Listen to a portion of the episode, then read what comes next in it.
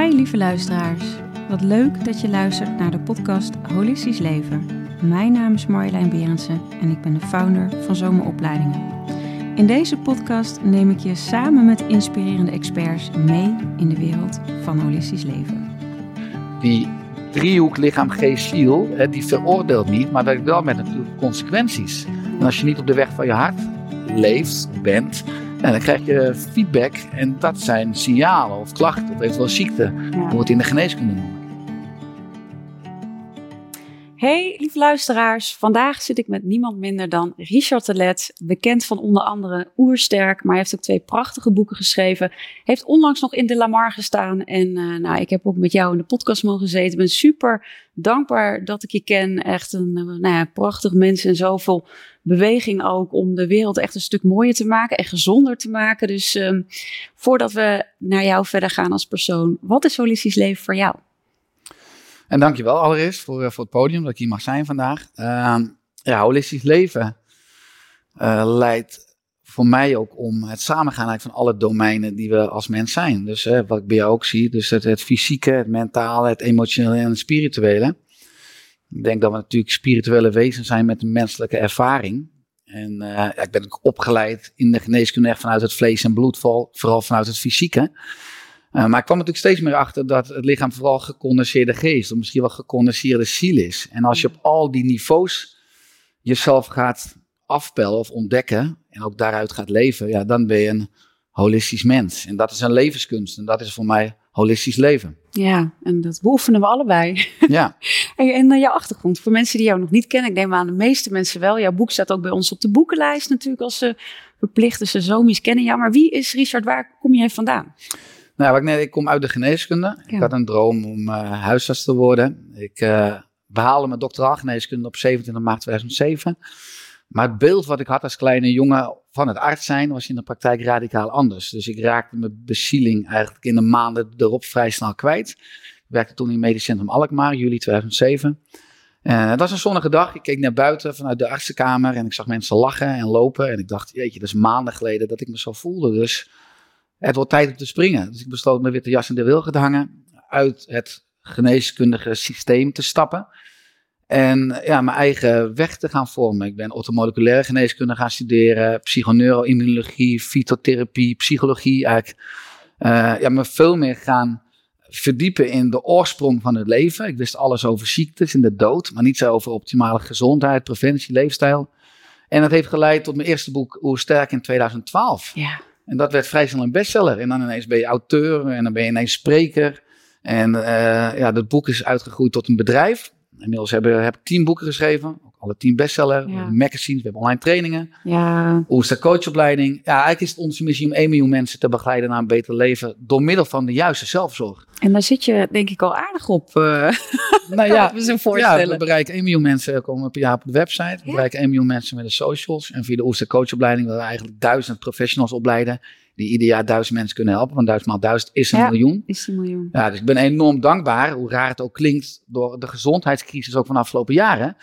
En eigenlijk ook de bewustzijnsgroei, ook qua trilling, dat de tijdsgeest eigenlijk steeds beter aansluit bij mijn hart, bij mijn ziel en bij, in mijn optiek, wat de wereld nodig heeft. Ja, ja, enorm. Want wat, wat, ik, wat ik gewoon echt zo inspirerend aan jou vind, is dat je echt de focus legt op die gezondheid, op leefstijl. Uh, ja, echt mensen weer in hun kracht te zetten. Je laatste boek, uh, Zielsgelukkig is kerngezond, heb je het ook wel over de emotieladder onder andere. Ja. Um, ja, echt een enorme bewustwording naar mensen. Wat merk je nu dat dat, uh, wat dat teweeg brengt bij mensen? Ja, de grap is natuurlijk dat de meeste mensen bij mij en bij ons bij Oestek binnenkomen vanuit voeding. Ja. Uh, iedereen is bezig met voeding. En dan gaan mensen denken, ja oké, okay, hoe kan ik gezonder ontbijten of minder koolhydraten of afval of meer energie krijgen? En dat vind ik prima. En als ze dan binnen zijn via de deur voeding, dan laat ik ze zien van nee, het gaat ook om, be om, om beweging.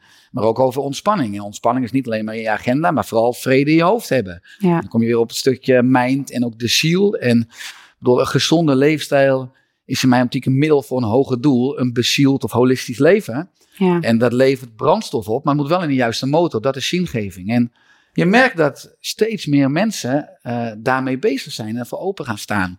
Eigenlijk ook natuurlijk om essentiële vragen van ja, waar, waarom ben ik hier? En, en, en wat mag ik toevoegen? Of waartoe dient het of mijn leven? En ja, dan ben ik zelf, loopt een beetje parallel met mijn eigen ontwikkeling. Ja. Me vroeger ook vooral op het fysieke, zo ben ik opgeleid. Ja. Uh, ja, dus dat vind ik nog steeds een magische ontdekkingstocht om zelf die weg te gaan, maar ook andere mensen op die weg te mogen inspireren. Ja, want je hebt het natuurlijk ook wat je zegt, nou, ik herken dat uh, ook bij zomer natuurlijk hoe mensen binnenkomen. Wij leiden ongeveer denk ik wel hetzelfde aantal mensen per jaar op. Um, je hebt het ook inderdaad over zingeving. Wat is, wat, is, wat is de zin van het leven voor jou? Ja, ik denk dat we allemaal uh, als mens of als ziel uh, een bepaalde blauwdruk hebben. Uh, mijn kenwoord is echt verbinden. Hmm. Dus ik ben hier om kennis, maar ook spul echt te verzamelen. Het is ook natuurlijk interessant dat ik vroeger ook ja, de negatieve overtuiging had van ik ben niet goed genoeg. Mm Die ik vertaald heb naar ik weet niet voldoende. Dus ik ben belachelijk veel opleidingen gaan doen. Ik ben meer dan duizend boeken gaan lezen eigenlijk, en ik heb belachelijk veel kennis, maar eigenlijk vanuit een negatieve drijfveer, intentie, om de wereld te bewijzen uh, dat ik wel waard ben om van gehouden te worden, dat ik er wel mag zijn. Ja. Uh, maar in, indirect ook wel een beetje geloof ik ook dat het een zegen is, dat het natuurlijk geen toeval is dat ik die negatieve overtuiging gehad heb, omdat het wel aansluit bij, bij mijn blauwdruk, omdat ik uh, ja, verbinden ben en wat ik ook doe met Oersterk en wat jij ook doet, dat ik, dat ik allerlei mensen bij elkaar breng, dat ik kennis, ook complexe wetenschappelijke materie bij elkaar breng in staat ben om dat laagdrempelig te vertalen. En daardoor uh, een schakeltje ben in eigenlijk de overleving van de mensheid. Ik denk ook mhm. de transitie waarin we nu zitten naar luchtenergie. Ja. Uh, dat we veel meer uh, echt belangrijke waarden en ook veel meer gaan denken in kringlopen en ecosystemen. Ik denk dat we nu de aarde enorm uitputten, roofbouw plegen. Maar ook ons lichaam, wij zijn ook een stukje aarde. Dus ik, mijn rol, hoe ik dat ook echt voel en zie, is om, om mensen veel meer niet echt informatie, dat is het hoofd, maar veel meer in het hart en in de buik te raken met verwondering. Uh, dat ik fascinatie kan laten toenemen van wat, wat fascinerend bouwwerk we hebben. En als je echt snapt hoe alles met elkaar verbonden is, en niet alleen maar in je lichaam, tussen organen of met hormonen, maar ook lichaam, geest, ziel, ja, dan ga je betere keuzes maken. Dan ga je beter zorgen voor je eigen stukje aarde. En ja, een betere wereld staat ook letterlijk bij jezelf. Dus, dus, dat is echt wel mijn, mijn diepe liggende missie. Ja, en, hoe zie je het hier na de dood? Ik heb dat eigenlijk nog nooit gevraagd, die vraag, maar ineens moet ik daar aan denken. Ja, de, ik hoor daar natuurlijk hele mooie verhalen over. Uh, als je ook natuurlijk uh, je gaat verdiepen in mensen die een bijna doodervaring hebben gehad. Ook van Pim van Lommel, natuurlijk een bekende cardioloog. Dat, dat, dat, dat dat een van de mooiste ervaringen. Dus eh, wat ik eigenlijk in mijn laatste boek beschrijf, Zielsgelukkig Kerngezond, is dat de dood bestaat eigenlijk alleen maar op het niveau van onze zintuigen. Maar onze zintuigen nemen ons in de maling. Er bestaat geen leven en dood is echt het niveau van het roerbrein. Maar op het niveau van het mensbrein bestaat er alleen maar transformatie. Dus het is eigenlijk alleen maar verandering, ook verandering van energie. Uh, ja, ik geloof, hè, wat je gelooft is waar, steeds meer in uh, reïncarnatie. Kijk, interessant is weer als je gaat kijken naar het kwantumfysica, is geen uh, ruimte en tijd. Alles vindt zich, speelt zich gelijktijdig af. Wat ook niet te bevatten is voor ons brein. Uh, maar ik, ja, ik geniet wel van het universele spel. Ik denk dat je ziel dus ook nu in dit lichaam aanwezig is om bepaalde lessen te leren mm en om te groeien. En uh, ja, de ziel is onsterfelijk. Ja. Uh, het lichaam is, is sterfelijk, dat is een omhulling. Uh, maar ja, in die zin geloof ik dus niet in de dood. Dat is wel echt iets vanuit het perspectief van onze zintuigen. Maar, maar onze, onze kern is onsterfelijk. Ja, nou ja, zo voelt het ook. We, hebben natuurlijk eh, met elkaar wel samengewerkt. Of nee, dingen ondernomen. Wat ik echt wel heb gevoeld ook. Is denk, ja, wij kennen elkaar al levenslang. Weet je, zo'n zo'n herkenning.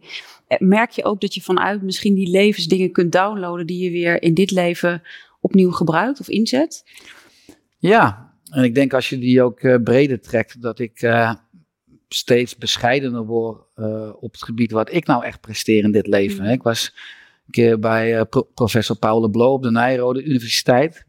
En die schreef het voorwoord in mijn derde boek Oestek Leven toen in 2014. En er uh, hing één quote op zijn uh, muur in de werkkamer. Ik kan het beste niet kiezen. Het beste kiest mij. Hmm. En als ik ook terug ben gaan kijken op mijn levenspad, ook als ondernemer. Bijna alles wat ik cognitief uit mijn hoofd geforceerd heb willen creëren is mislukt. Er is belachelijk veel geflopt, bijna alles. Maar wat op mijn pad gekomen is en wat ik ook aangepakt heb, dat is, dat is gelukt. Dus het is natuurlijk een filosofische vraag van uh, Ween Dijers zijn natuurlijk, je doet niets, je wordt gedaan. Ja. Maar de levenskunst denkt aan ons allemaal dat we met veel meer ontspanning en rust en ook een bepaalde verstilling gaan leven. Omdat dan het leven door je heen kan stromen, maar ook de juiste antwoorden, maar ook de juiste acties. En ja, dat is ook als ik een boek schrijf. Uh, dat klinkt dan heel erg narcistisch, maar ik zei ik was tegen mensen, ik kan ook blind typen. Als ik geïnspireerd raakte door de tekst die op papier of op mijn beeldscherm kwam, dan wist ik, ja, dat is een goed boek. Want klopt. Dat is een doorgeefluik. Zo inderdaad, ik download het, het komt door me heen. Ja. Terwijl als ik heel erg ging forceren of zelf ging schrijven, ja, er waren vaak enorme slechte teksten. Als ik weer heel lastig, moest allemaal de, de prullenbak in. Dus ja. Uh, ja, de kunst is wel om, om die verbinding met het collectieve veld, of gewoon met je ziel, of met uh, ja, we zijn energetische weten. Alles is energie, hè, de basis van het leven. Ook dat is natuurlijk onze zintuigen nemen ons ook in de maling. Dat we het gevoel hebben dat dit vaste vorm is in ons lichaam. Want alles is trilling. Uh, maar terug naar je vraag. Ja, ik, dus ik, ik probeer eigenlijk steeds minder uh, weer vanuit het ego of vanuit het ik. Want er bestaat natuurlijk alleen maar wij. Alles is een collectief veld. En uh, dat is dus een stukje dienstbaarheid. Wat ik ook heel erg geleerd heb vanuit het oosten. Ook ja. vanuit de geneeskunde. Uh, ja, als je andere mensen onvoorwaardelijk geeft wat ze willen, dan geeft het universum jou wat jij wilt. Ja. We zijn in het Westen heel erg bezig met ik. Hè. Ik wil dit of ik wil deze omzetten. En ik wil. Ja, daarom hebben veel mensen of ondernemers het ook zo lastig. Zijn ze aan het strukkelen of aan het strijden. Terwijl dienstbaarheid is het werkelijk geheim. Als je gewoon jouw talenten deelt in, in diensten van het grote geheel. Ja, dan gaat het universum uh, je enorm steunen in je rug. Werkt door je heen. Ja, ja, het is ook wel mooi. Want heb jij ook uh, situaties meegemaakt in je leven? Wat merkte ik? Hè? Je noemde maar even, hè, laten we het dan even zwart-wit zeggen. Het ego is het ik en de ziel is dat wat, waar het leven doorheen werkt. Hè? Zoals je zo mooi zegt, dat op het moment dat jij dus toch dat ego ging volgen, dat er heftige dingen gebeuren. Ik merkte dat ik bijvoorbeeld een auto-ongeluk kreeg of die scheiding, wat me toch weer op dat pad van die ziel bracht, waardoor die, dat leven door me heen stroomde. Hè? Met Soma heb ik ook niet bedacht dat het zo groot zou worden, zeg maar. Maar dat ging ook door me heen. Heb je heftige dingen ook meegemaakt waardoor je weer op je pad werd rechtgezet door het ja. universum? Ja, ik heb in mijn leven een aantal uh, crisissen meegemaakt. Uh, die toen ik erin zat enorm heftig waren. En achteraf bekeken zijn natuurlijk de belangrijkste kantelmomenten. Maar zeker ook, uh, ook afgelopen jaar heb ik weer ja, een aantal dingen meegemaakt qua ook in de onderneming, maar ook pri privé, dat dingen ja, niet lekker lopen. En dat ik ook bij spreken echt s'nachts wakker lig. Mm. En dat het me wakker houdt. En als ik dan altijd weer terug ga, dan zijn dat echt weer uiteindelijk gevolgen van dat ik met mijn hoofd, dat is eigenlijk mijn derde brein, ja. goede dienaar, mijn, mijn intuïtie of mijn hart en mijn buik overroeld heb. Uh, ja, en dan krijg je het moeilijk, dan krijg je het zwaar. Ik bedoel, die driehoek lichaam, geest, ziel, hè, die veroordeelt niet, maar werkt wel met natuurlijke consequenties. Ja. En als je niet op de weg van je hart leeft of bent, ja, dan krijg je feedback en dat zijn signalen of klachten of eventueel ziekte, ja. wordt in de geneeskunde noemen. En uh, ja, dat, dat, dat ervaar ik ook nog continu in mijn eigen leven, uh, ook afgelopen jaar weer. Dus wat voor mij belangrijk is, dat ik minimaal één keer in de week, maar echt, ook echt één keer in de maand, momenten heb van synchroniciteit, dat dingen weer op, op de juiste moment kruisen. Ja. En als dat gebeurt, dan weet ik dat ik nog op de juiste koers zit. Ja. En als ik dat een, nou, in ieder geval een maand niet heb gehad, dan weet ik, ik heb te veel stress, leef er uit ja. mijn hoofd. Ja. Ik moet weer even de natuur in, ik moet mijn agenda weer even een dag leeg doen. Ik, ik, ik heb de verkeerde afslag. Ja. Eh, Want dan En- wordt het lastig. En hoe merk je die synchroniciteit? Hoe, hoe zie je die Nou, tekenen? dat merk ik dat ik bijvoorbeeld dan net een nieuw project bezig ben en dat ik dan net iemand zakelijk tegenkom die, die fantastische waarde kan zijn.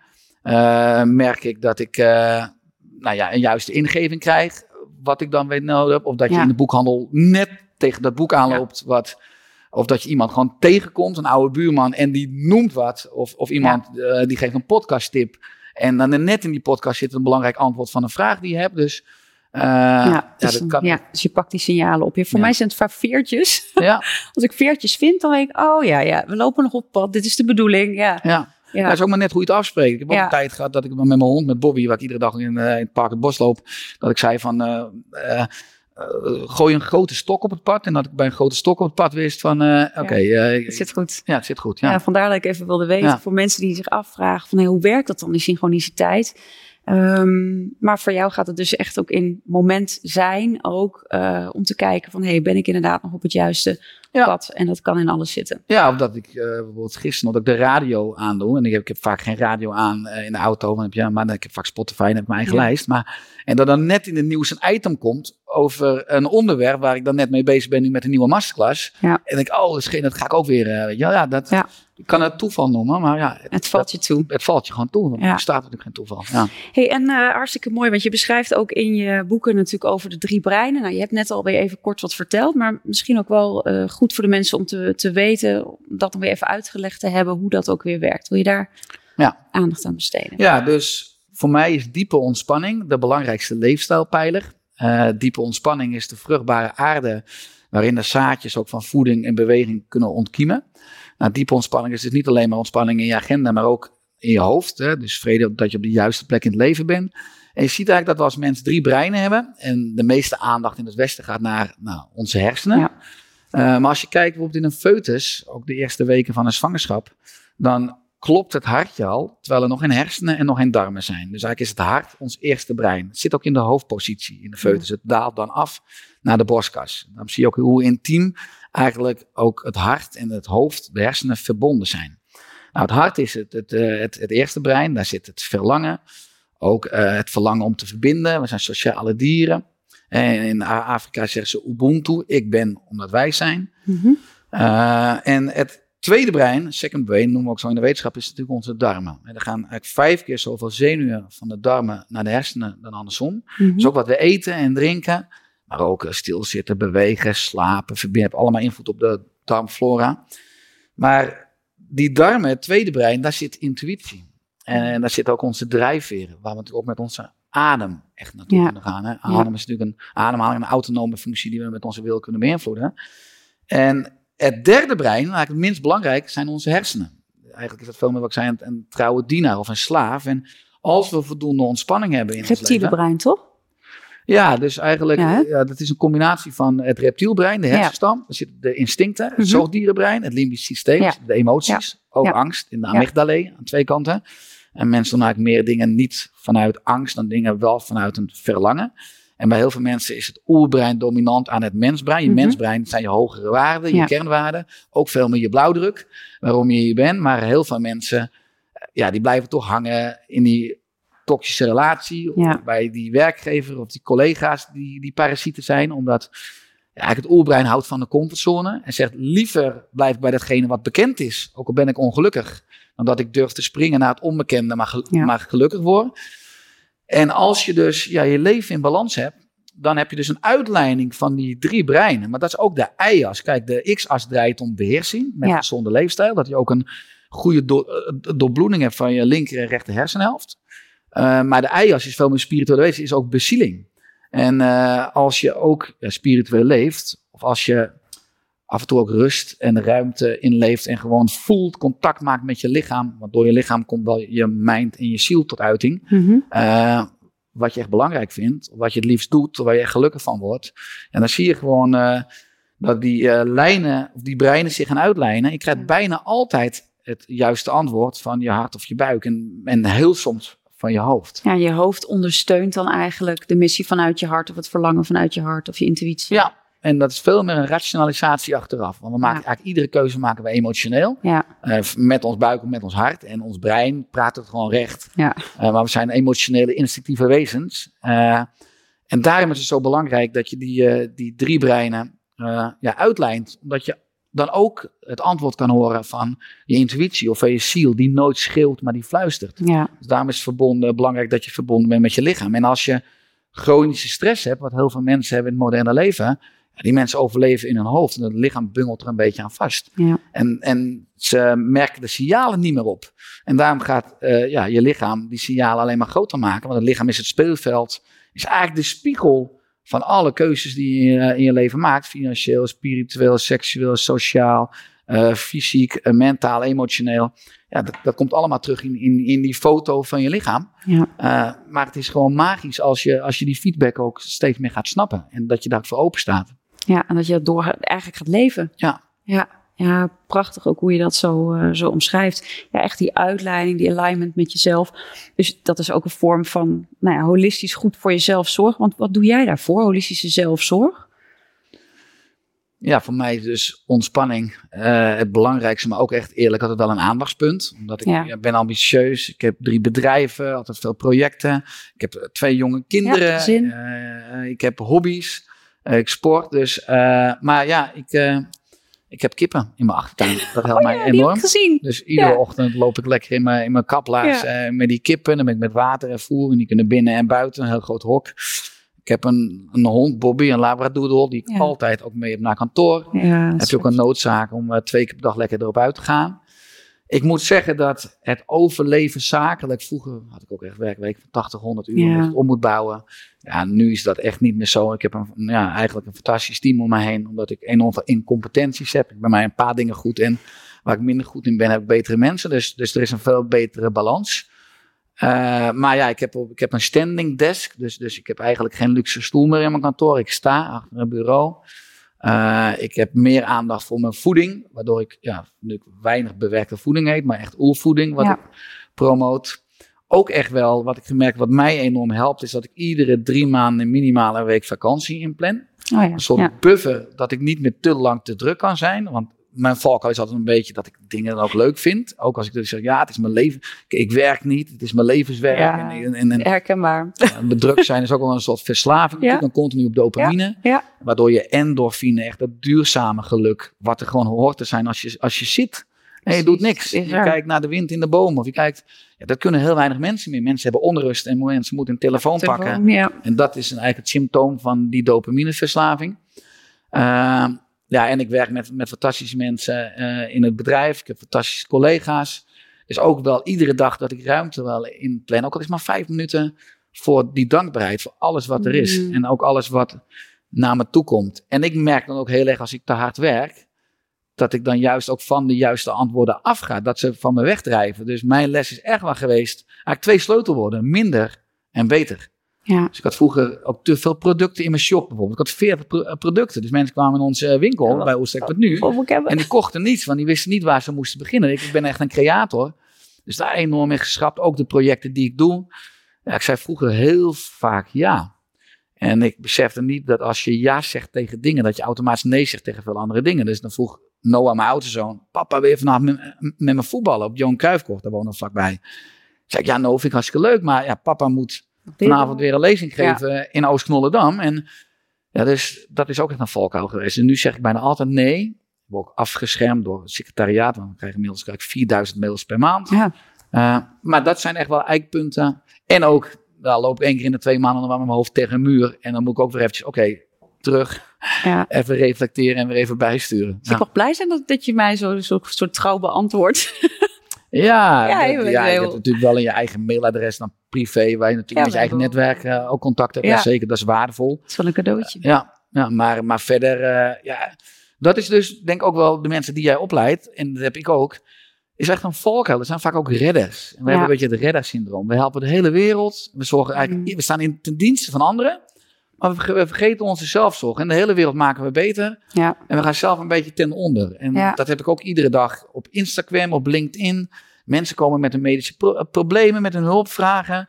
En ik krijg ook meer dan 100 berichten per dag. En dan lees ik dat. En dan kan ik het eigenlijk niet, niet beantwoorden. Dus ik ga het nu niet meer lezen. Want ik was gewoon echt wel twee uur per dag minimaal gewoon DM'tjes allemaal ja, beantwoorden. precies, ja. En, en nou, dat gaat gewoon... ja, ik ging ten onder, zeg maar. Omdat we nu zoveel mensen bereiken. Maar dat blijft een spanningsveld. Want in essentie wil ik wel gewoon mensen helpen. Ja, ja. Ja, maar het begint bij jezelf natuurlijk. Exact, uh, ja, ja, ja. mooi. Um, de komende vijf jaar, de plannen. Ja, nou ja, wij gaan in september een jaar naar Spanje toe. Uh, naar ik word in oktober 40. Oh ja, ik mensen, eerder. Ik eerder. Ja, niet. voor, de, voor de mensen die naar ons kijken, je zou het niet zeggen. Nee. Hè, dat, uh, dat, dat we 40 worden. Dat is natuurlijk omdat we hè, wat we pro promoten ook leven. Maar ja voor mij ook echt wel een eikpunt, omdat alles waarvan ik gedroomd heb, uh, dat is werkelijkheid geworden. En ik ook wel een beetje in die ratrace zit en nu ook gewoon ja, echt die ruimte en die leegte en die verstilling wil opzoeken om mezelf opnieuw uit te vinden. Ja. Uh, om mezelf als gezinsman, maar ook als businessman met de bedrijven. Ik wil kijken wat het universum voor mijn voeten gooit. Maar ja, ik droom wel ook internationaal. Ik zou het heel leuk vinden om Oersterk ook te vertalen in het Engels. Ik ga ja. in Spanje, misschien in Spaans of in Duits. Gaaf, ja. Uh, ja, waar ik nu al meer mee bezig ben, ook hè, wat jij ook doet met de podcast, is veel meer ook verbinden met Mhm. andere professionals. Ik denk dat het veel leuker is om, om het samen die wereld beter te maken. Maar ook is al heel lang een droom om wel een Oersterk Foundation op te richten. Omdat ik ook Mm. ja, in het onderwijs, ook in de geneeskunde. eh, er is zoveel eigenlijk herstelwerk, of er is zo'n behoefte aan een ander systeem.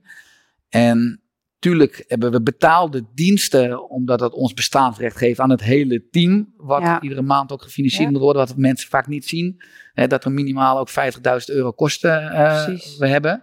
Eh, maar ook dan wa- wa- waardoor we ook veel meer gratis ook, eh, producten of mappen of werkmateriaal op school aan ouders. Ook voor mensen die, die, die het niet kunnen betalen. Dus dat ik structureel ook een deel van de winst naar de foundation. Ja, mooi. Ja, dus dat, dat zijn dus internationaal foundation. Ja. En een theatertour. Ja, ja, dat klopt. We hebben dan recent in De Lamar eh, uitverkocht. En ik ben nu ook eh, benaderd door George Visser Productions. En moet je je voorstellen, die doen ook eh, de voorstellingen van Gui- Guido Weijers of van eh Giardino Aspedaat of van, eh, van Rumach en Nienke van der Plas. Maar Cilia Rombly eh, ja, grote namen. En we gaan vanaf september 2023 een Ja. nationale Oersterk theatertour. Dus dan ga ik het land door. Dan kom ik bij iedereen die kijkt, luistert in de omgeving. En ja, ik ben ook enorm dankbaar dat ik die kans krijg om eh, ja, het gezondheidsvirus, dat is wat Ja. ik het noem. Ja, zo noem je dat, hè? ja. om meer mensen te besmetten in Nederland. Ja, ja, super mooi. Ja, en hartstikke leuk, want je zit ook 1 en 2 oktober bij ons holistisch event. Ja. Dus eh, jij vanuit Mallorca. aftrappen. Vanuit Mallorca. ja, ja, ja. Zit je erbij. Nou, Ja, hartstikke heel leuk. heel erg dankbaar voor. Eh, zou jij een kaartje willen trekken? Ja. Willekeurig een kaartje. Ja. Waar ook weer een vraag op staat. Een andere wending. Gefeliciteerd. Een 500 euro waarde te goed uit onze shop. Nou, ik- Oh, die rijkje heb je al. Rijkje twee keer Ja, je ja. nog. Maar ik moet maar naar Mallorca gaan. waar, waar ben je dankbaar voor vandaag? Eh, nou ja, wat ik net aangaf. Ik, eh, ik ben dankbaar eh, ook dat ik, dat ik hier vandaag zit. Hè, Ja. Bij jou in de podcast. En eh, leuk om dat wij elkaar ontmoeten. Maar ook dat ik weer, weer ook een podium krijg om eh, weer zaadjes te planten. In, in niet alleen de hoofden, maar ook in de harten van, van, mensen. Ik ben dankbaar dat ik reed hierheen hè, naar, met Satya, onze videograaf. Die ook aanwezig is. Dus ook een fantastisch mens. Dat ik dan met hem in de auto zit. En ook over het leven filosoferen. Dat we stoppen bij een benzinepomp. Een espressootje halen. En eh, eh, ik ben dankbaar voor de zonschijn vandaag. Ja, dan kijk je naar de natuur die in bloei staat. Ehm, ik heb dan vanmiddag nog een afspraak. Eh, En dan gaan we gifjes maken voor de socials. Dus dan gaan we, kan je straks op Instagram kan je gifjes van mij dat ik dingen uitbeeld. En, eh, en dat ik dan weer zo kans krijg. Ja, ik voel me, ik voel me iedere dag een Gaaf. beetje een kind in de speeltuin. En een snoeptrommel. Ik was dankbaar vanmorgen. Kwart voor zeven werd mijn jongste zoon James wakker van, eh, van drie. En eh, dan ligt hij zo in het bedje wakker te worden. En dan doe ik zijn gordijn open. En dan komt het zonlicht binnen. En dan kijk je in de tuin waar de kippetjes lopen. En dan ga ik naar, naar beneden en is hij aan het kletsen. Eh, ja, ik, ik probeer de hele dag wel met die dankbaarheidsmodus. Omdat dankbaarheid is een modus dat je vooral ziet wat er wel is. Ja. Ons oerbrein is continu bezig en ook veel mensen met wat er niet is of wat ze nog willen bereiken, dus wat er niet is. Terwijl dat is eh, een stagnerende creatiemodus. Als je echt gewoon gaat kijken wat er nu al is, en dat lijkt weer tot die hoge emotie van dankbaarheid Ja. en, en van vreugde, eh, waardoor je veel meer gaat aantrekken wat je dan nog wil. En niet vanuit het moeten, maar gewoon dat je al ziet wat er al is. Dus ja, er is enorm veel om dankbaar voor te zijn. Ja. Ik ben ook enorm dankbaar voor de gezondheidscrisis afgelopen twee jaar. En dat de politiek er zo'n puinhoop van maakt. Omdat we met Oersterk zo belachelijk veel kans hebben nu om dat gat in te vullen. Ja, nou was bij ons ook. Bij ons, wij, we hebben de, de vestiging Moerkapelle erbij gekregen in de eh, coronacrisis. Dus Ja. het werd verdubbeld. Weet je, zoveel Ja. mensen hadden veel meer behoefte om holistisch te leven. Dus Ja. Herkenbaar ook. Ja. Eh, nou, niet voor niets die kaart. eh, erg passend ook. eh, Ja, mooie kaart. bij, Ja. Ja. Misschien staat de- leven deze staat. vraag natuurlijk op alle kaarten. Dat weet ik uiteraard, niet. kijk ze allemaal even. Nee, en er staat ook een prijs bij. Ja, nee, die doen we, doen we achteraf. Ja. achteraf. We gaan eh, door naar een oefening. Want jij hebt ook iets moois bedacht voor deze podcast. Ja. Wat gaan we doen, Richard? Hey, lieve luisteraars. Ben je hoogsensitief en wil je handvatten om daarmee om te gaan? In mijn boeken Hoogsensitief, je grootste kracht neem ik je stap voor stap mee. Aan de hand van opdrachten, meditaties en oefeningen leer jij jezelf steeds beter kennen en zie je dat hoogsensitiviteit een enorm cadeau is om te hebben. Je kan de pre-order van de boeken nu al bestellen via onze website zoma-opleidingen.nl en dan krijg jij de boeken, maar ook het gratis kaartendek als eerste bij je in huis. Ja, ik wil een uh, korte visualisatieoefening doen. Uh, waarin ik jou, maar ook de kijker en de luisteraar eigenlijk drie kernvragen wil stellen. Die voor mij enorm belangrijk zijn. Ik heb ook een leefstildagboek, de OC Journal. En iedere drie maanden neem ik ook echt, plan ik ook in mijn agenda, vier keer per jaar een uur. Om uh, ja, weer antwoord te krijgen op deze drie vragen. Dus ik zou zeggen, ja. ga lekker ontspannen zitten. Doe een hand op je buik en een hand op je hart. En ogen dicht. En sluit je ogen lekker. Ja, dus mensen die nu in de auto zitten, zet je auto even aan de kant. Ja, of, uh, inderdaad. Luister hem naar. Deze oefening iets later. En ik zou zeggen, ga lekker ontspannen, diep inademen. Als het kan door de neus. En neus-buikademhaling. voel maar of je buik uitzet.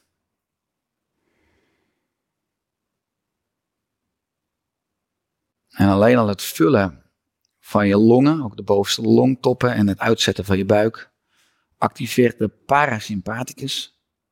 Dat deel van het zenuwstelsel wat zorgt voor opbouw, herstel, maar ook genezing.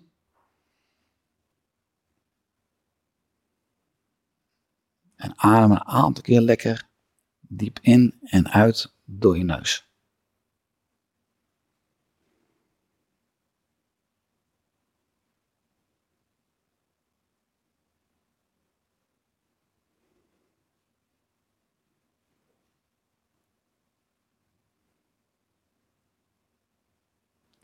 Nou, alleen dit zorgt er voor dat je ook meer rust krijgt en helderheid in je hoofd.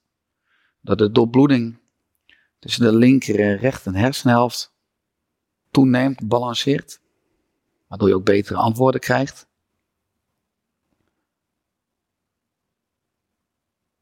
Maar voel ook vooral eens hoe je hart klopt. Onder je ene hand.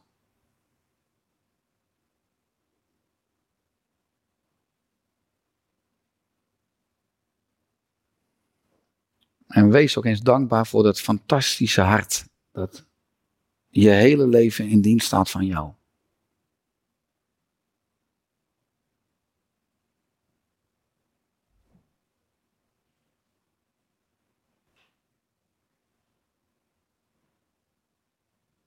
Wat niet alleen maar bloed rondpompt met voedingsstoffen, maar ook positieve emoties, liefde, dankbaarheid en vreugde. En voel ik hoe die via je hart, via de bloedvaten, positieve gevoel van wauw, ik leef. En dit magische instrument wat ik nu voel, schenkt mij nu dit leven. Hoe die verwondering en die liefde ook gewoon door je lichaam heen gaat. Door je armen, door je benen, je voeten,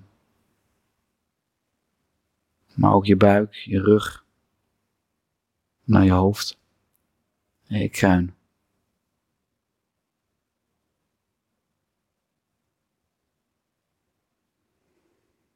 Maar als je nu in je lichaam bent, je lichaam voelt, wil ik je vragen om eens antwoord te krijgen op de eerste vraag. En stel je vooral open en kijk ook van welke afdeling dat antwoord komt. Is het uit je hoofd? Is het uit je hart? Is het uit je buik? Maar de eerste vraag is, ook aan jou Marjolein, waarom doe ik wat ik doe? En waarom doe ik wat ik doe? Is het omdat ik het wil vanuit mijn eigen hart, mijn eigen verlangen? Of loop ik nog aan het handje van mijn papa of mijn mama? Of doe ik het voor mijn omgeving of de verwachtingen van anderen. Maar neem eens een minuutje nu de tijd en de ruimte en de rust om antwoord te krijgen op de vraag waarom doe ik wat ik doe.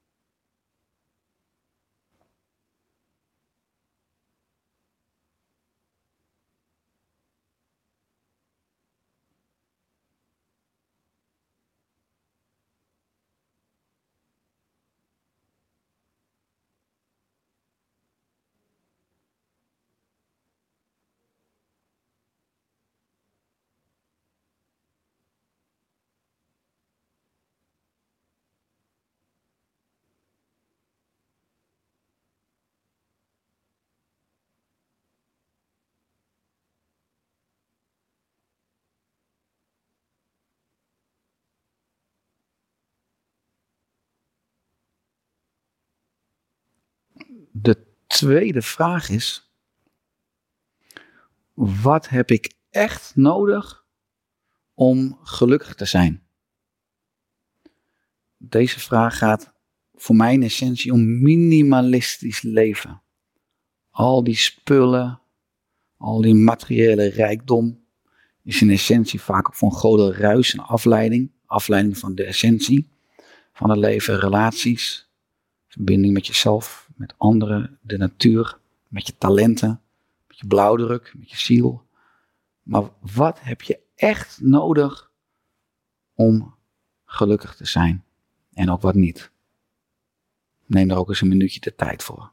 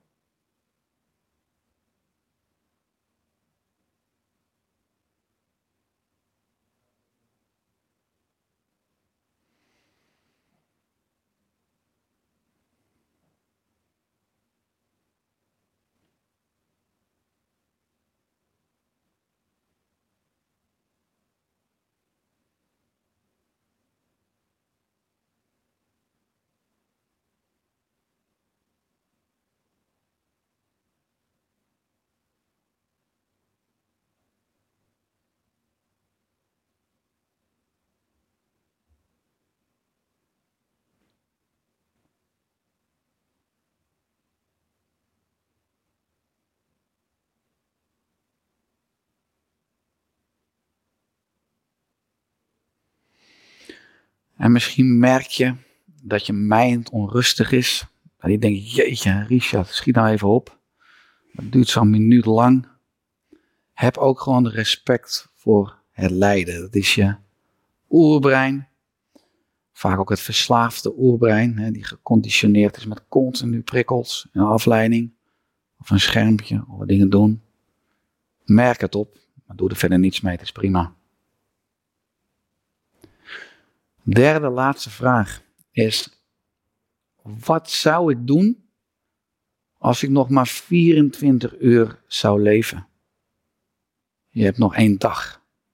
Veel mensen die gezond zijn, hebben de illusie dat ze onsterfelijk zijn. Ze morsen enorm met tijd en vitale energie aan urgente, maar niet belangrijke dingen. Maar wat zou je doen als je nog maar 24 uur zou leven? Zou je eindelijk springen, je droom achterna, je kan toch niet meer falen? Met wie zou je afspreken, wie zou je bellen? Dus pak ook nog eens even één minuut voor de derde en laatste vraag. Wat zou ik doen als ik nog maar 24 uur zou leven? En komt dat overeen met hoe ik mijn agenda vandaag, of aankomende week of aankomende maand inricht?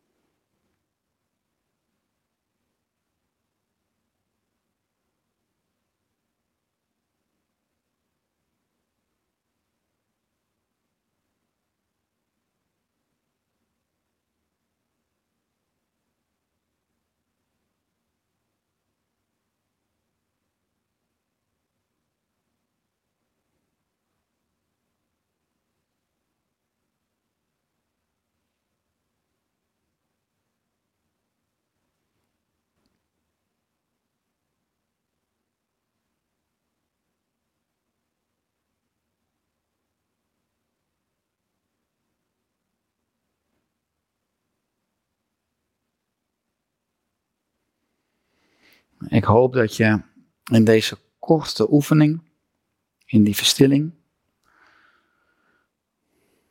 als je betere vragen stelt, krijg je betere antwoorden. Ook betere antwoorden hebt gekregen, betere inzichten. Maar ik hoop en gun je natuurlijk ook vooral dat je meer, of misschien nog meer, de weg van je hart durft te bewandelen. Dat je loskomt van de ongezonde kudde. En van het grootste energielek is ontrouw zijn aan jezelf. En dat je, waar mogelijk, ja, dat je dat nu in je leven nog niet doet, trouw gaat zijn aan jezelf, je eigen blauwdruk, je eigen levenspad. Zodat je vol leeft en ook met een glimlach op een dag ver, ver weg, leeg kunt sterven. En de transitie, de transformatie ingaat naar een andere wereld. Dus maak weer lekker contact met je lichaam, met de hand op je hart, op je buik. Voel eventueel hoe je handen warm zijn en tintelen. Wees ook dankbaar voor dat magische instrument waar je nu die twee handen op hebt. Maak ook contact met je lichaam via die lage ademhaling in je buik, via je neus. En kom weer lekker terug. Voel het contact weer met de stoel, met je rug, met je benen. En kom weer terug in uh, deze werkelijkheid en open op je eigen tempo je ogen, Marjolein. En de rest. Ja.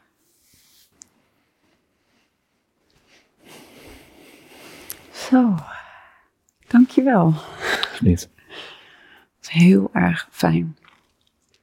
Kom ik echt heel snel diepte in uh, komen.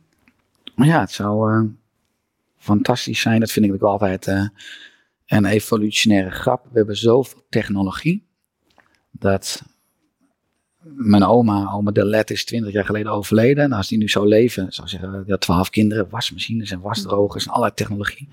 Ik zou echt uren per dag over hebben om te leven. En de grap is dat je ziet dat steeds meer mensen de nacht wegdrukken, steeds minder slapen, omdat we steeds meer tijd overdag nodig hebben, omdat we zo reactief geleefd worden. En als je proactief je leven gaat leiden, en af en toe zoals dit vijf à tien minuutjes pakt, hmm. ah joh, dan kan je veel meer de essentie leven met minder en beter. Uh, maar we hebben geen tijd om vijf of tien minuutjes zo'n oefening als dit te doen, omdat we druk zijn. Ja. Dat komt vanavond of morgen wel. En daarop blijven we een beetje in dat hamsterrad. Dus het zou fantastisch zijn als je al tien minuten met een oefening, hè, wat je in iedere podcast gast geeft, een fantastische oefening aan. De dag start en ook aan het einde van iedere dag gewoon vijf à tien minuutjes. De dag afsluit. Ja, dan, uh, dan leef je veel meer, denk ik, de essentie van holistisch leven. Ja, absoluut. Ja, ik, voor mij is het ook echt, ik, ik start de dag al mediterend met Reiki en ik sluit de dag ook zo af. Dus ik herken dit. En wat ik heel fijn vond ook aan deze meditaties, dus visualisaties, waar komt je antwoord vandaan? Dat ik het ook nu heel goed die alignment in mijn geval kon voelen tussen mijn hart, mijn buik en mijn hoofd. Dat ik echt ook wel merkte van, oh ja, weet je, dit, dit leeft gewoon door me heen. Dit heb ik te doen. Weet je, dat ik dat zo voelde mijn hart echt zo gonzen, zo hè, door mijn hele lichaam heen. Ik dacht, oh, maar dit is, dit is wat gewoon door me heen werkt. Mhm. Ik zou het niet hebben kunnen bedenken het echt niet, zou het echt niet hebben kunnen bedenken dat ik dit ook met Soma en nou ja, jij met Oersterke alles zo zou kunnen doen.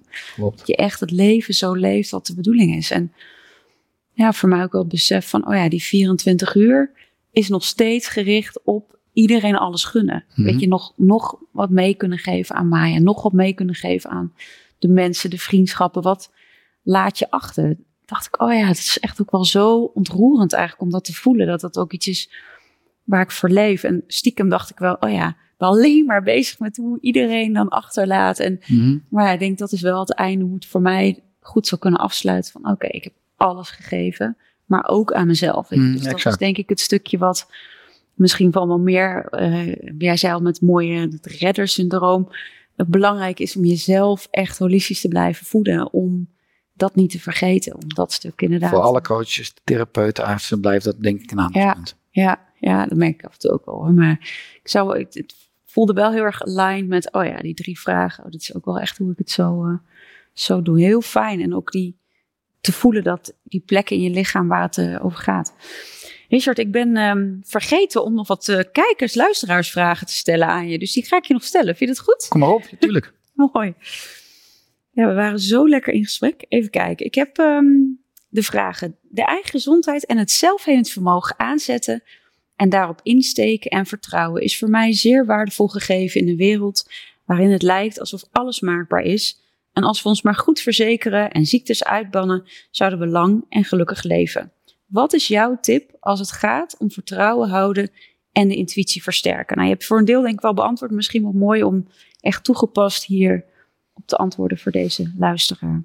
Uh, ja, de tip is dan misschien uh, meer ja, een stukje wijsheid. Ik denk dat we verdrinken in de informatie en de kennis, maar we zijn heel veel wijsheid verloren. Maar als je natuurlijk het gaat bekijken, ook vanuit de kwantumfysica, bestaat er alleen maar liefde. Dus daar hou ik me ook gewoon aan vast. Ik weet dat het goed is en goed komt. De liefde en de waarheid overwint altijd. Ook als je gaat kijken naar eh, de kleinste deeltjes, elektronen, protonen, is altijd een negatief en een positief deeltje. Dus er is gewoon in het leven een verborgen orde. Ook van een voordeel en een nadeel. Dus, dus breng je perceptie eigenlijk in balans en, en zoek de verborgen orde. En als je perceptie in balans is, dan is je, je mind in balans. En is je uh, fysiologie in balans en is je lichaam in balans. Dus uh, daarom noemde ik ook net die verwondering, die verborgen orde is voor mij heel erg belangrijk. Soms ja, val ik ook terug op het niveau van het oerbrein. En dan met schuld, schaamte, balen of tekort en verlies. En denk ik, hey frek, ik mis een deel. En dan ga ik op zoek. En, en als je op zoek gaat, vind je die verborgen orde. Hmm. Waardoor je altijd weer gewoon, ja, in essentie zijn we liefde. In essentie is er alleen maar liefde. Ja. En het is niet alleen maar een spirituele lege huls, maar dat is werkelijk zo als je ook gaat vanuit de kwantumfysica. En zo kan je je brein ook trainen. Ja. Dus dat helpt mij enorm als je continu die, die verborgen orde gaat zoeken en vinden. Ook op niveau van je zenuwstelsel, balans sympathisch, parasympathisch. Ook op niveau van je hormonen of orgaanritmes. Uh, ja, dan, dan kom je eigenlijk op het punt dat je eerst zielsgelukkig moet zijn om kerngezond te worden. Ja. Daarom is die titel ook zielsgelukkig is kerngezond en niet andersom. Nee, exact, exact. Ja, voor mij heel helder. Precies zoals wij allebei ook uh, practice what you preach leven. Maar mooie, mooi antwoord. Um, nog een vraag. Hoe pleit je voor een gezonde levensstijl bij mensen die niet alles vers en biologisch kunnen kopen omdat ze er geen geld voor hebben? Een gezin met drie kinderen in de bijstand bijvoorbeeld. Ja, dat is interessant. Dat het voedings, de voedingsuitdaging natuurlijk ook een maatschappelijk probleem is. Ik denk dat het uh, veel beter zou zijn als we de EU-subsidies, miljarden die we nu wegpompen aan melk en vlees en zonnebloemolie uh, Europa door, dat we dat gaan doen op biologische voeding. Hè, dat, dat eigenlijk goedkoper wordt en voor iedereen toegankelijk. Maar je kunt ook gewoon, ik heb ook in Heemskerk dan lokaal ook een biologische pluktuin kan natuurlijk ook een, uh, ik heb ook op een balkon, had ik ook al. Ik heb twaalf jaar op een uh, achteretage van een flat gewoond. Mm Hadden we ook al uh, in, in, in plantenbak hadden we, hadden we groenten.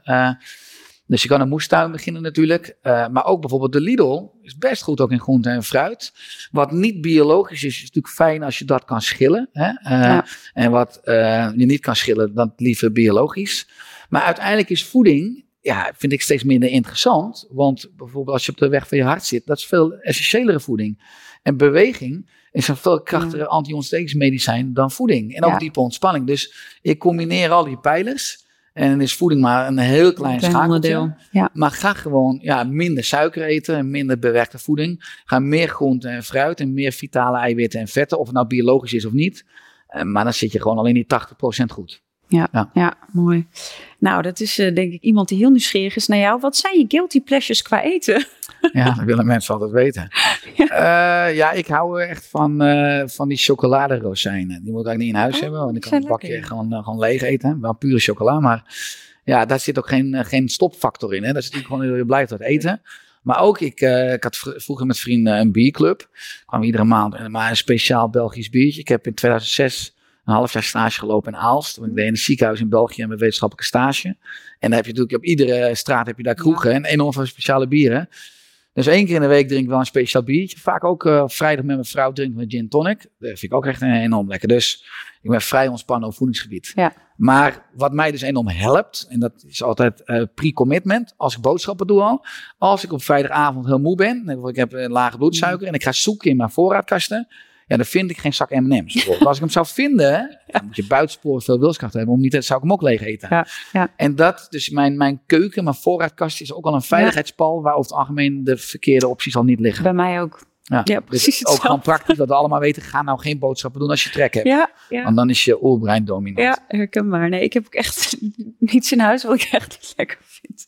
Dus heel herkenbaar. Hey, ontspanning, kan dat ook door middel van lezen of tv kijken? Zegt iemand.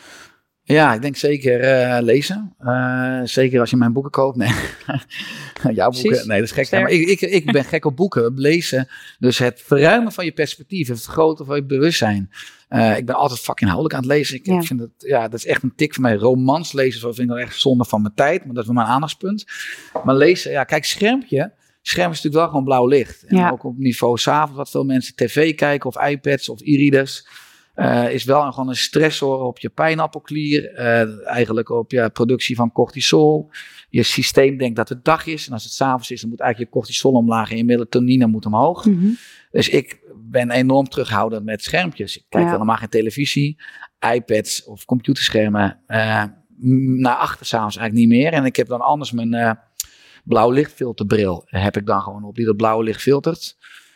Maar schermpjes ja, eh, sluiten eigenlijk totaal niet aan bij ons ontwerp. En interessant is natuurlijk als je kijkt naar een smartphone. Ja. Dat de gemiddelde mens 2 uur en 28 minuten per dag volwassenen op hun telefoon zitten. En ja, meer dan 100 keer per dag op de knop drukken Ja, om te kijken, heb ik een appje. ja. Maar wat mij dan fascineert, ook vanuit het perspectief van de oefening, die ik, de vraag die ik net stelde. Wat als je nog maar 24 uur zou leven? Hè, gemiddeld zitten mensen 2 uur en 28 minuten op een smartphone. Dat is 34 dagen per jaar, dag en nacht. Maar als je dus op je sterfbed ligt en je wordt 80 jaar gemiddeld. En je kijkt terug over je leven. Dan ben je 7,5 jaar van je leven, dag en nacht heb je naar je schermpje gekeken. Nou, we zien jongeren onder de 30 zitten 3 uur en 21 minuten op een smartphone. Nou, ga maar kijken naar je schermtijd. Ja. Meer mensen dit. Maar dat is 50 dagen per jaar en 11,5 jaar van je leven als je op je sterfbed ligt. Dus onze generatie ligt op ons sterfbed, kijkt terug van die 80 jaar. Dat is natuurlijk het bekende onderzoek van de vijf Ja. redenen waar mensen spijt van hebben. Ik denk dat onze generatie zegt, ik heb spijt van dat ik 7,5 of 11,5 jaar, sommigen 15 jaar, en als je 4, 5 uur per dag op dat ding zit, van mijn leven dag en nacht naar dat schermpje heb lopen turen. Eh, want ja, dat is over het algemeen reactief. Dat kaapt ons instinct voor opmerkzaamheid. Ja. Wat een voordeel was op de savanne waar we opgegroeid zijn, waar weinig prikkels waren. Maar de prikkels die er waren konden ons doden. En nu wordt dat, alle instincten worden door industrieën gekaapt. Dus ook dat terug naar de vraag. eh, eh, plan eigenlijk proactief je schermtijd in. En ik heb echt op mijn telefoon ingesteld op social media. Na een uur gaat, gaat een blok erop. Dus ik kan niet langer dan een uur per dag op social media. Houd op. Dan, dan gaat gewoon de blokkade erop. Wat doe jij nou acht uur 's avonds? Ja, eh, James, eh, onze jongste, ik ga vaak met, iedere avond met hem douchen. Dat is vaak rond 7 uur. Gaat hij naar bed, verhaal te voorlezen. En Noah is de oudste van 12. Dus dan ga ik met hem altijd nog, die gaat vaak, vaak om 9 uur, half 10 dat hij echt in bed ligt. Ja. Dus dan ben ik met Noah bezig.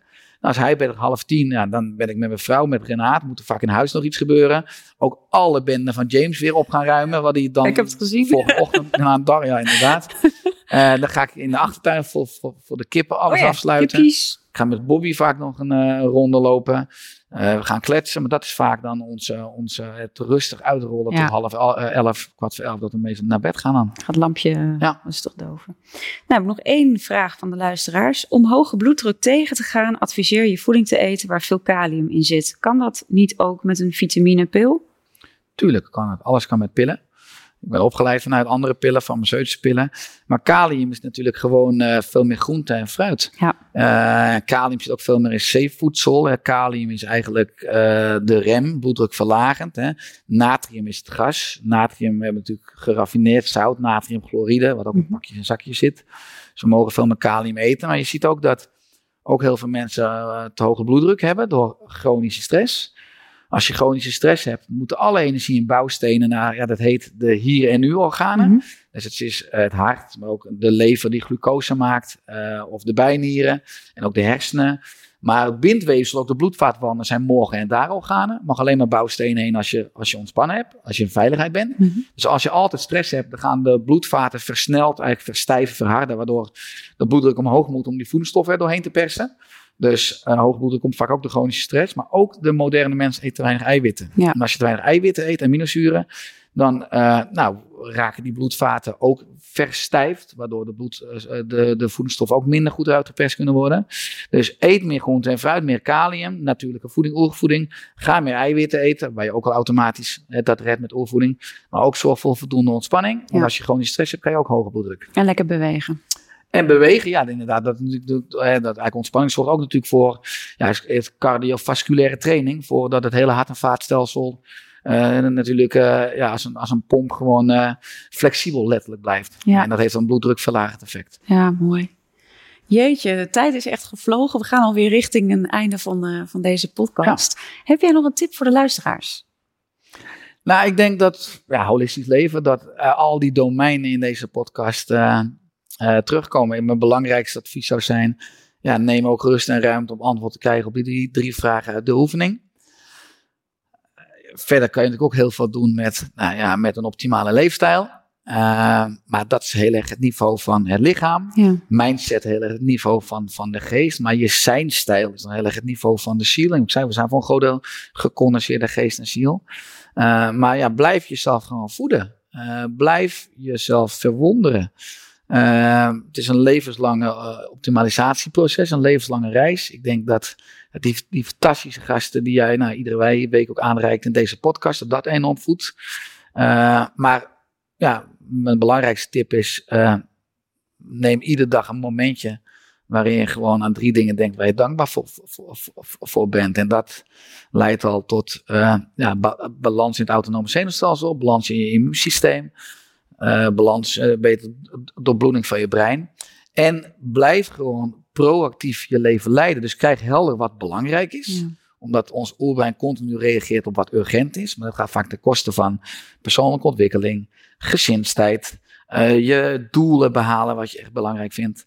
En de omgeving, de maatschappij rolt van het wiegje tot het graf een rode loper uit naar de verkeerde leefstijlkeuze. Ja. En daarom moet je je eigen pad durven gaan en proactief gewoon afschermen datgene wat belangrijk is. En ja, dan als laatste, trap niet in de als-dan valkuil. En ik zie te veel ook ondernemers en coaches, therapeuten. Ja, als ik nou maar eerst een succesvolle praktijk heb. Als ik nou maar eerst een ton omzet heb. Dan ga ik wat meer met mijn kinderen doen. Dan ga ik wat meer met mijn vrouw op vakantie. Dan ga ik wat meer uh, voor mezelf zorgen. Ja, dat is een illusie. Je bestaat alleen maar vandaag. Ja. En zorg dat je vandaag een goede dag hebt. Want iedereen wil een goed leven. Maar goed leven is gewoon een aaneenschakeling van goede dagen. En nu is het enige moment dat, dat er is. Dus zorg vandaag voor een goede dag. En morgen en overmorgen heb je automatisch een goed holistisch leven. Ja, nou dankjewel. Vandaag een hele goede dag met jou. Super dankbaar. Ons lijntje, onze verbinding. Maar ook dit was weer zo waardevol. Dus uh, met liefde. En nogmaals heel veel dank voor het podium. En ga ook door met je fantastische holistische werk, Marjolein. Dankjewel. Thanks. Dankjewel voor het luisteren naar de podcast Holistisch Leven. Holistisch Leven is een prachtige ontdekkingsreis. We reiken je graag de tools en kennis aan om je in deze reis te begeleiden. Ben jij door deze podcast geïnspireerd om de volgende stap richting een holistisch leven te zetten? Kijk dan op onze website www.zoma-opleidingen.nl voor meer informatie over de cursussen en opleidingen die we aanbieden. Je kunt je daar ook inschrijven voor onze nieuwsbrief. En vind je deze podcast leuk? Volg ons dan via je favoriete podcast-app of abonneer je op ons YouTube-kanaal. Zo verspreiden wij samen meer licht, liefde en bewustwording. En maken we de wereld een stukje mooier. Tot volgende week!